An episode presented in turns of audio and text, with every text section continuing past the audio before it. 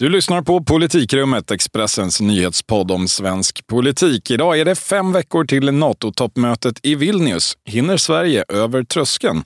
Och så nya bryderier i Centerpartiet efter förra veckans opinionsmätningsflopp. Häng med!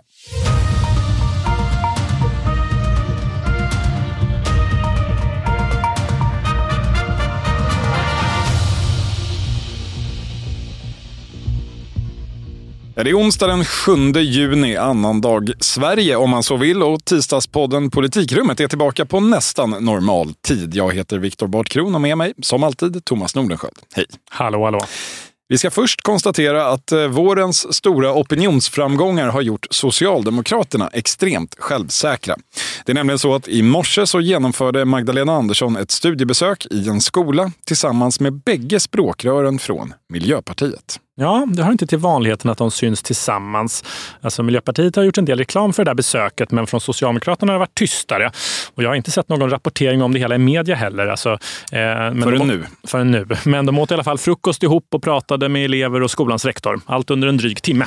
Det var kanske inte det mest uppmärksammade politikerbesök som man har sett, men Nej. det fanns en pressinbjudan och det fanns medietid avsatt i programmet, så det var inte helt under radarn ändå. Ja, en liten stund i alla fall. Ja, eh, och som vi pratade om i förra veckan så har ju Socialdemokraterna annars ägnat eh, en stor del av de senaste åren åt att tvärtom distansera sig från Miljöpartiet.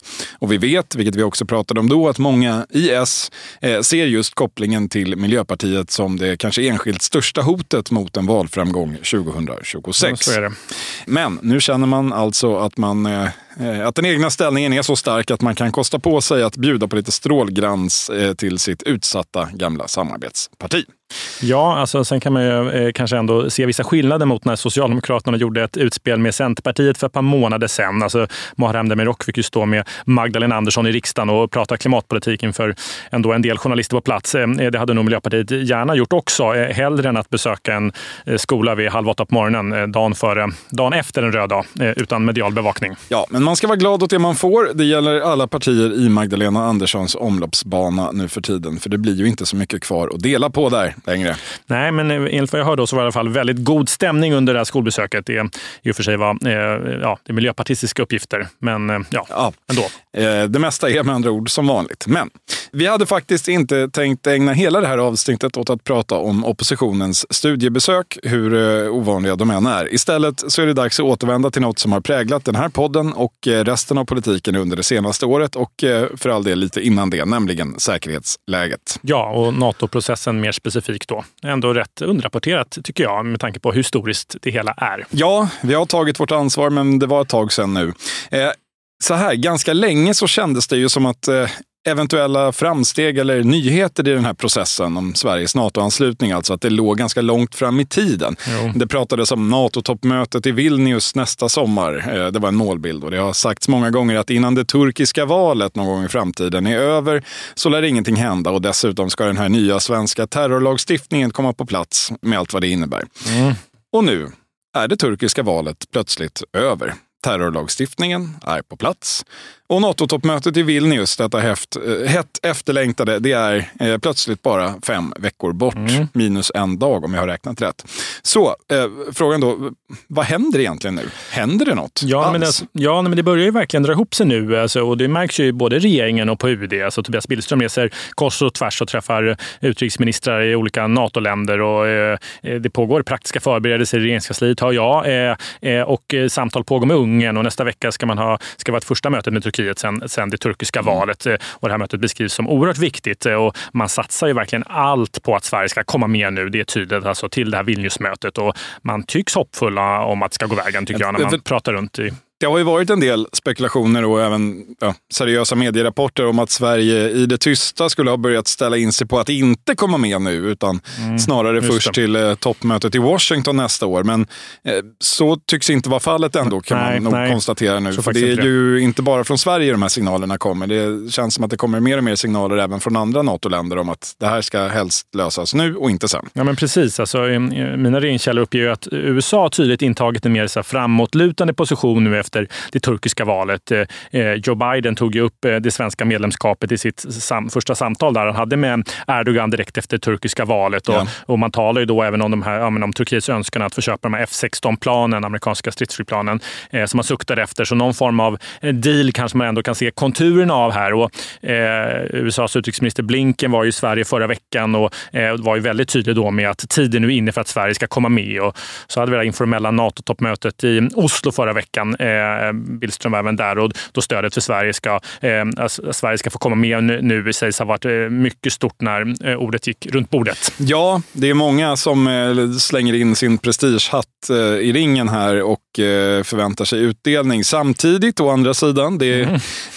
president Erdogan har gjort folk besvikna för. Han har nu dessutom format en helt ny regering nere jo. i Ankara med bland annat en ny utrikesminister. Mm. Om det är bra eller dåligt för svensk del, det får vi väl se.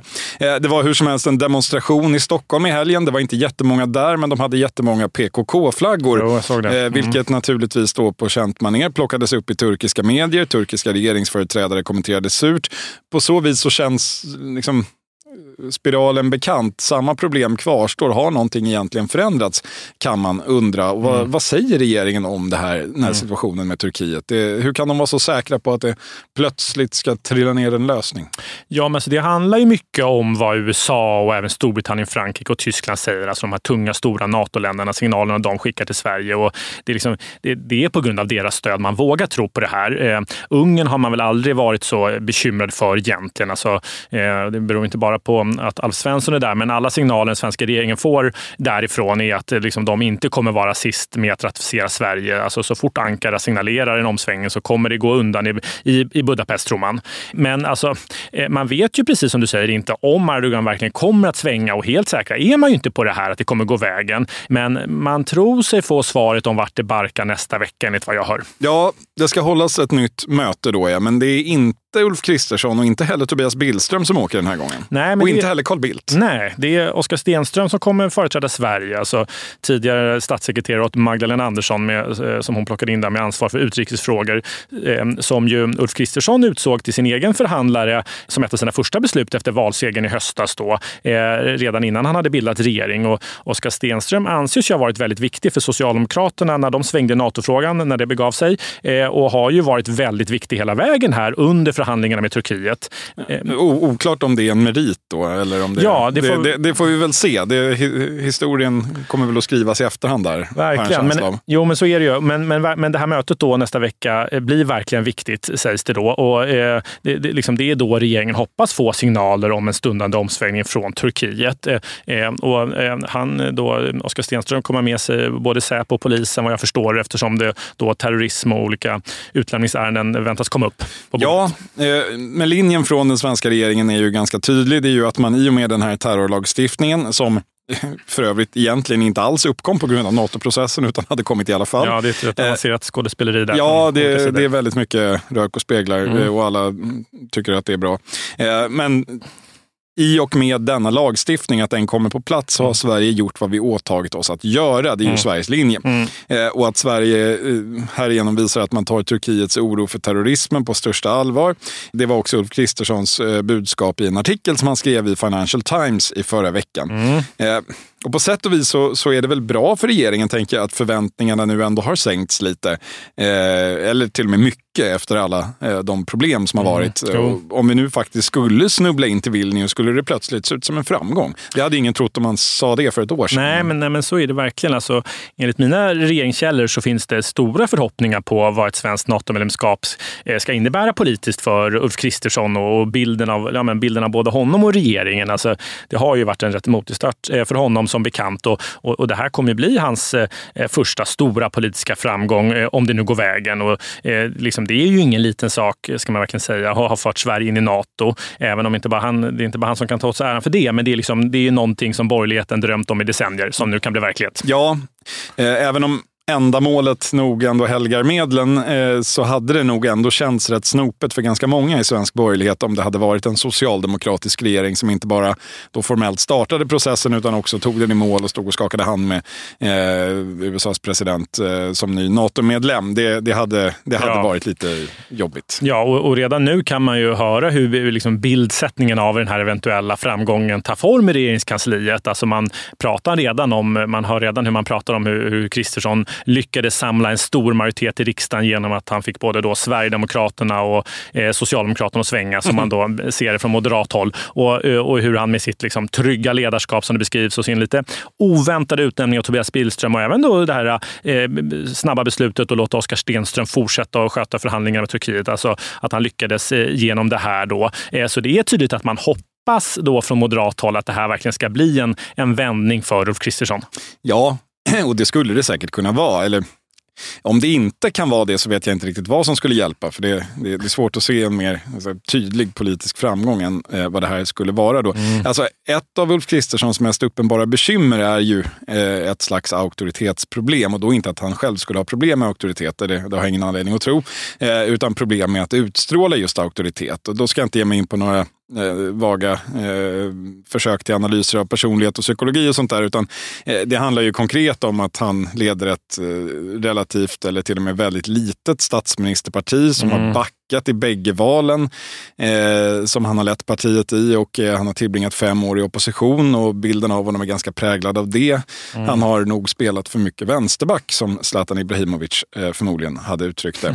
Eh, en entydig framgång på den storpolitiska scenen skulle hur som helst eh, med all sannolikhet sitta väldigt fint för hans status som statsminister. Det var det jag skulle komma till. Ja. Eh, nej men, och jag skulle nog säga att liksom uppsidan är större än nedsidan för Ulf Kristersson och, och Tobias Billström här. Alltså det är klart att det skulle ses som ett misslyckande om Turkiet fortsätter att blockera Sverige. Det är, liksom, det är ingen vild gissning att Peter Hultqvist och en del andra kommer ondgöra sig över det totala haveriet det eh, skulle beskrivas som då. Eh, Absolut men, inte. Nej. nej. Men, men alltså, bedömningen man gör i regeringen, kanske på goda grunder, är ju att liksom ett fortsatt nej till Sverige från Turkiet inte bara skulle vara ett bakslag för den svenska regeringen, utan ja, men det skulle närmast vara en kris för Nato som har sin open door policy och för USA som ju har liksom, eh, det har varit en stor Eh, eh, seger för USA eh, sedan det här kriget inleddes, att Sverige och Finland ansökte om medlemskap. Och, eh, eh, eftersom det här handlar om storpolitik så är det inte liksom den svenska regeringen främst som kommer lastas, hoppas man. Nej, och det, så är det nog. Jag tror man kan vara ganska på det klara att om man bortser från det här med bildsättningen och saker och ting, så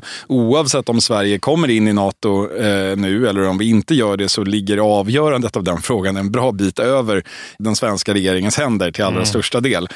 Men det kommer naturligtvis inte stoppa några former av politisk spinn, varken från regeringen eller eh, den svenska oppositionen.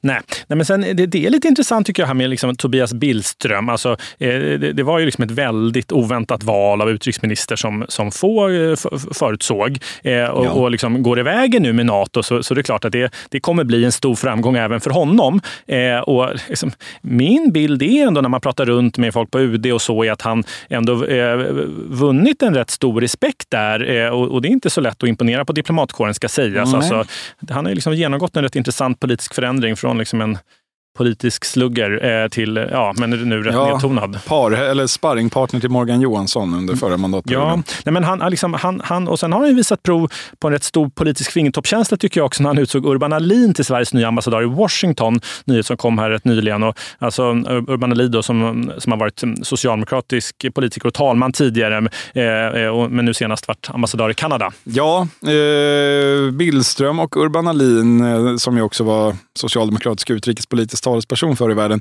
Eh, de var väl till och med talmän samtidigt. Mm. Eh, Alin som förste talman då, eller ja, talman, mm. eh, och Billström som förste vice talman mm. under eh, det som kanske mest ihågkommet som Björn Söders eh, tid som talman eh, på en ännu mm. lägre position. Men att, den, att ge ett av det här, kanske det allra tyngsta diplomatuppdraget, i alla fall på ambassadörsnivå, till en socialdemokrat, det kan man ju läsa som ett ganska slukt drag efter en vår när Eh, just Socialdemokraterna har anklagat regeringen för att försöka tysta oppositionen och genomföra utrensningar i statsapparaten. Här skickar man ju med nästan övertydlighet en annan signal.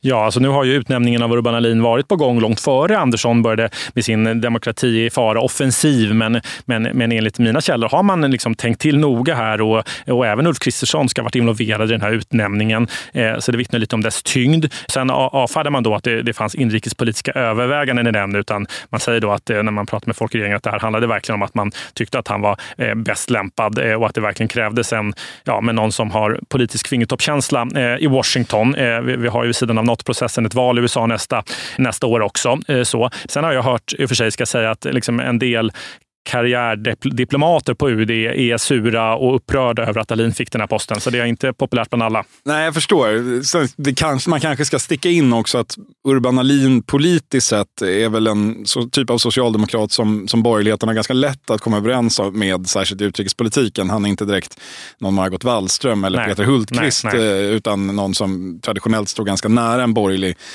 syn och även då vad gäller relationen så, till USA. Så ja. Eh, det hade varit en större... Det, det, det fanns socialdemokratiska namn som hade eh, skickat större chockvågor än just Urban Ahlins. Men ja. eh, de här karriärdiplomaterna på UD då, vad, vem hade de velat se istället? Eh, var det Jan Björklund på ny postering? Ja. Nej, kanske inte. Nej, men det är nog snarare så att man inte ville se någon politiker överhuvudtaget på den posten. Alltså, eh, utan mer då just en karriärdiplomat. Alltså en, en, person som vissa på UD anser borde fått jobbet är Olof Skog som haft en, och har massa, ja, han har ja, haft massa tunga poster eh, på UD genom åren. Men alltså, eh, regeringen ägnar sig som bekant åt politik i första hand och inte intern politik på UD. Nej. Sen har ju liksom UD också genomgått en rätt stor omorganisering efter valet väldigt snabbt då, där fokus lagts om på mer på närområdet och kriget i Ukraina och Nato. Det, den typen av omorganiseringar ja, tenderar att inte uppskattas av alla, så det kan ju vara kanske en del av förklaringen här. Jag vet inte. Säkert. Utan att förminska någon. Nej, precis. Fem veckor i alla fall till eh, NATO-toppmötet i Vilnius. Det lär mm. hinna hända mycket innan dess i eh, någon riktning. Oklart vilken än så länge, men vi får säkert anledning att återkomma i det ärendet. Ja, kanske redan nästa vecka. Vi får se. Spännande ja, blir det. Det blir det. Över till något annat så. Det var ju så att eh, kort efter vår eh, förra podd i förra veckan så kom eh, junimätningen från Statistiska centralbyrån. SCB e de mäter ju opinionen två gånger om året och detta får i vanlig ordning mycket uppmärksamhet. Och det som fick mest uppmärksamhet var, och det är ju svårt att ifrågasätta, det var det faktum att Socialdemokraterna gick så ohyggligt bra på egentligen alla andras bekostnad. Ja, 38,6 procent om jag inte minns fel. Alltså nästan Ingvar Carlssons siffror. Ja. I alla fall Göran Perssons siffror. Ja, eller till och med Mona Sahlins siffror. Ja. Fast det pratar man inte så högt Nej. om nu för tiden. Men det fanns en tid när hon hade ännu högre. Men det fanns ju sju partier till i den där mätningen som det gick då mer eller mindre dåligt för. Sämst får man ändå säga gick det för Centerpartiet. Mm. Det var inte oväntat med tanke på att andra mätningar eh, har visat samma sak under våren. Men i och med den här mätningen från SCB e så får det väl anses fastslaget att Centerpartiet numera ska räknas som ett av riksdagens småpartier. Ja, alltså 4,2 procent fick de här. Alltså de klarar ju spärren, men inte med så stor marginal. Nej, och det ska ju sägas att Centerpartiet inte är ensamma i gruppen småpartier. Det, det är de absolut inte. Det är halva gänget är där nu. Eh, och Centern Centern är i den här mätningen i alla fall fortfarande några decimaler större än Liberalerna, Kristdemokraterna och Miljöpartiet. Men det är klart att Centerpartiet, om man backar ett steg mm. och eh, sätter sig i helikoptern. Eh, Centerpartiet hade hoppats på att vara någon helt annanstans sommaren 2023. Eh, och att stämningen eh, blir därefter i partiet kanske inte är helt förvånande då. Nej, alltså jag, jag tror som sagt att många, eller de flesta, hade räknat med rätt dåliga siffror nu. Eh, så på så sätt är det ingen chock. Men det, det finns ändå en del i, i den här undersökningen som skapar oro och ger upphov till en del intern kritik. Eh, och det delvis från ett nytt håll, vilket är mm. intressant. Alltså, och, och det är de här siffrorna på lokal nivå i Stockholm som partiet får. Då. Alltså, de har ju vuxit, alltså Centerpartiet växte ju enormt eh, under Annie Lööfs tid som partiledare. Och, och det som ligger bakom framgångarna för, eh, som Centern haft då är ju just eh, att stödet i Stockholm gick upp mycket då. Men, men det har ju nu närmare, mer eller mindre imploderat. Alltså man får 4 procent i, i Stockholm. Alltså det, är en tillbakagång med 3,5 procentenheter jämfört med förra mätningen i november. Ja, på ett halvår alltså. Inte över mm. de senaste tre åren eller något sånt. Så det, det är verkligen en påtaglig förändring här och mm, nu. Men det är det. Eh, samtidigt ska vi säga det så lika, eller än mer chockerande kanske, Socialdemokraterna är uppe på 44 procent i Stockholms stad. I Nära samma egen mätning. majoritet. Alltså. Ja, det är rätt otroligt. När jag Mm. började med, lokalpolitiken i Stockholm för 12 år sedan så var Moderaterna eh, huvudstadens enda parti på 35 procent och sossarna slog som andra platsen nere på 15-strecket. Hur som helst. Att det går bra i Stockholm är ju inte bara eh, symboliskt viktigt. Det, det spelar ju roll eftersom den här gruppen, alltså gruppen stockholmare utgör en rätt rejäl del av den svenska väljarkåren och dessutom en väldigt rörlig del har vi fått lära oss på senare år. Men vad drar då centerpartisterna för slutsatser av det här? Du, du har forskat lite i den saken ändå. Ja, alltså, och det fin finns röster i partiet, personer som jag har pratat med, eh, som menar att det, det delvis hänger ihop med, med vad man menar är liksom en otydlighet i regeringsfrågan. Alltså att Annie Lööf var tydlig med att Centern kommer stötta Socialdemokraterna alltså, eh, och liksom Magdalena Andersson som statsminister så länge Moderaterna eh, samarbetar med Sverigedemokraterna. Då, eh, så var det ju. Men, men att Muharrem Demirok nu har skickat ut delvis andra signaler. Han har tagit i alla fall eh, liksom ett steg eller halvt steg tillbaka i regeringsfrågan in i någon form av otydlighetens dimma kanske. Ja, alltså Demirok har ju inte direkt anmält Centern som kandidat till att bli det femte Tidöpartiet. Det har han ju verkligen inte gjort. Men, eh, man kan väl säga att han har backat tillbaka till den hållning som Annie Lööf hade fram till någon månad före valet eller så, nämligen att inte ha någon statsministerkandidat alls. Mm. Han brukar väl mest svara något i stil med att Sverige redan har en statsminister eh, och att det är Ulf Kristersson och sen får vi se, eh, det är långt till valet och så vidare när frågan kommer upp. Ja, eh, alltså, men det är otydligt nu vad han, vad han vill då, menar många, både sakpolitiskt och maktstrategiskt. Alltså, otydligheten i sakpolitiken är ju inte ny, utan den fanns ju där eh, eh även under Annie Lööf också, eh, något ju partiets egen valanalys pekade på också. Men, men, men då eh, var man ändå tydligare i de här värderingsfrågorna eh, och då strax innan valet kom man beskedet att man stöttar Magdalena Andersson. Och allt kan man säga pekar ju på att Muharrem Demirok skulle samarbeta med Socialdemokraterna, han också, eh, om det skulle bli ett maktskifte. Men, men han säger det inte, eh, i alla fall inte nu. Och han har inte heller Annie Lööfs eh, liksom, trovärdighet i de här värderingsfrågorna, eh, skulle man kunna säga. Och, eh, liksom en, en, en centerpartist jag pratade med sa just det, att liksom, nu är vi inte bara otydliga i sakpolitiken utan även i regeringsfrågan. Och det, det liksom, regeringsfrågan är väldigt viktig för de här storstadsväljarna, liberala kvinnor som det kanske framför allt handlar om. Ja, jo, jo, det kan förstås ligga något i det här. Då. Men eh, analysen att partiet backar för att man inte stöttar Magdalena Andersson känns inte riktigt vetenskapligt eh, säkerställd och genomarbetad kanske. Det, det är ju inte så att utpekandet av en socialdemokratisk statsministerkandidat generellt är någon självklar väg till framgång i väljaropinionen. I så fall borde ju till exempel Miljöpartiet vara ett betydligt större parti än vad man ju är. Nej, det är väl liksom egentligen bara eh, Centerpartiet som eh, gynnades av det så länge januariavtalet fanns. Men, men det verkar ju snarare, alltså generellt kan man säga att det snarare är så att man förlorar väljare till Socialdemokraterna eh, när man samarbetar med dem. Eh, det verkar i alla fall vara så under Magdalena Anderssons eh, partiledarskap. Ja, precis. Eh, de var ju, Centerpartisterna var ju väldigt förtjusta i Stefan Löfven, men det var ju mest för att de vann väljare på att samarbeta med dem. Kanske, men jag vet inte. Men i alla fall, den här otydligheten är, liksom, är ju ett problem när man liksom, inte längre har en partiledare som, som Annie Lööf som egenskap av sin person och, och de värderingar hon stod för ändå lockade de här storstadsväljarna. Eh, det, det, känns ju ändå inte som någon helt eh, orimlig slutsats tycker jag. Nej, så är det säkert. Sen är frågan hur långsiktigt hållbart det hade varit. Alltså, under alla omständigheter så tror jag, och det gör nog andra också, att det vore smart av Centern att börja eh, i andra änden den här gången och försöka hitta en politik och en identitet som inte utgår från just regeringsfrågan i första hand. För det har man ju försökt nu i ganska många år. Och även under Annie Lööf så blev det ju trögare och trögare med tiden under de sista åren. där.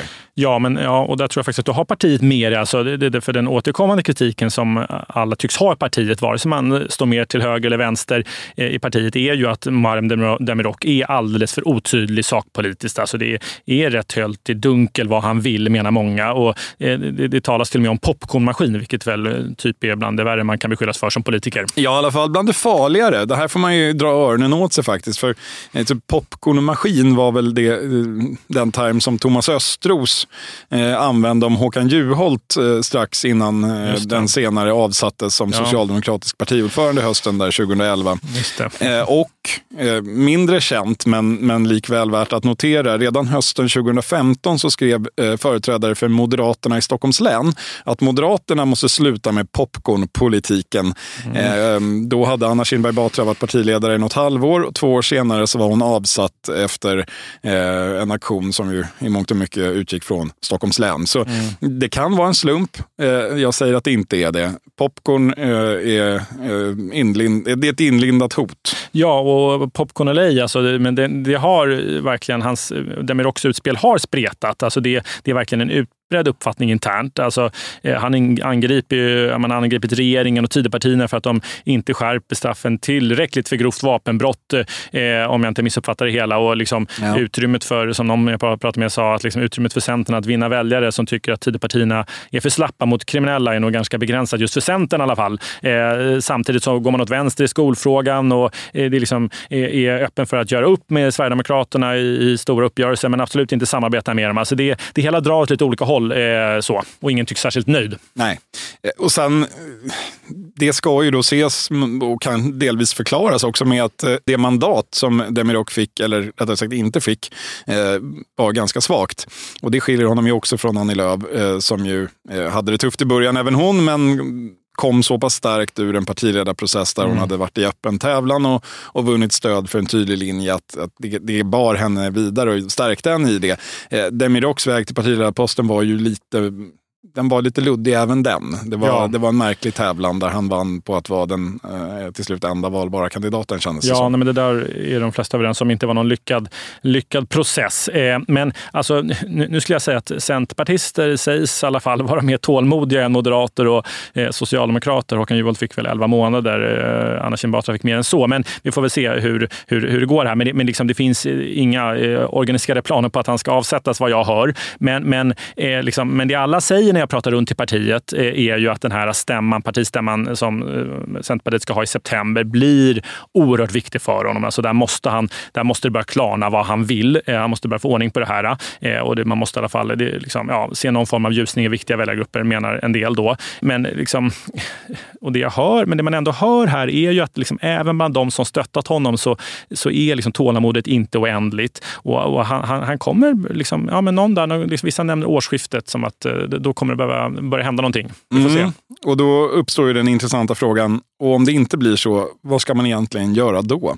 Mm. Vad är det man ska ha istället som man inte hade för ett halvår sedan och som ska lösa upp den här hopplösa sitsen som Centerpartiet av egen och andras förskyllan har hamnat i? Det... Ja, nej, men det, det, där vet man väl inte riktigt. Alltså, det, det, hade väl varit knepigt läge för vem som helst, här ska man också säga, till hans försvar. Även för Annie Lööf tror jag, eh, om hon hade suttit kvar. Ja, det är inte lätt när det är svårt. Vi får se om det blir lättare i nästa vecka. Mm. Eh, då är Politikrummet i alla fall tillbaka med ett nytt avsnitt. Jag vågar inte riktigt lova vilken dag med tanke på partiledardebatter eh, och andra åtaganden. Men vi kommer tillbaka. Vi kommer tillbaka i nästa vecka. Så ha tålamod. Ja. Men därmed streck för idag. Tack för detta vårt 74 sammanträde, Thomas Nordenskjöld. Tack, tack. Och tack till er som har lyssnat ända hit. Eh, hörs om en vecka så får vi se om vi är med i Nato då. Hej!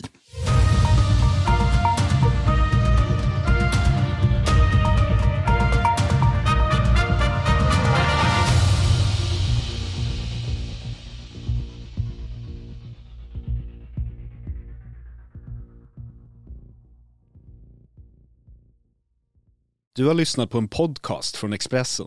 Ansvarig utgivare Klas Granström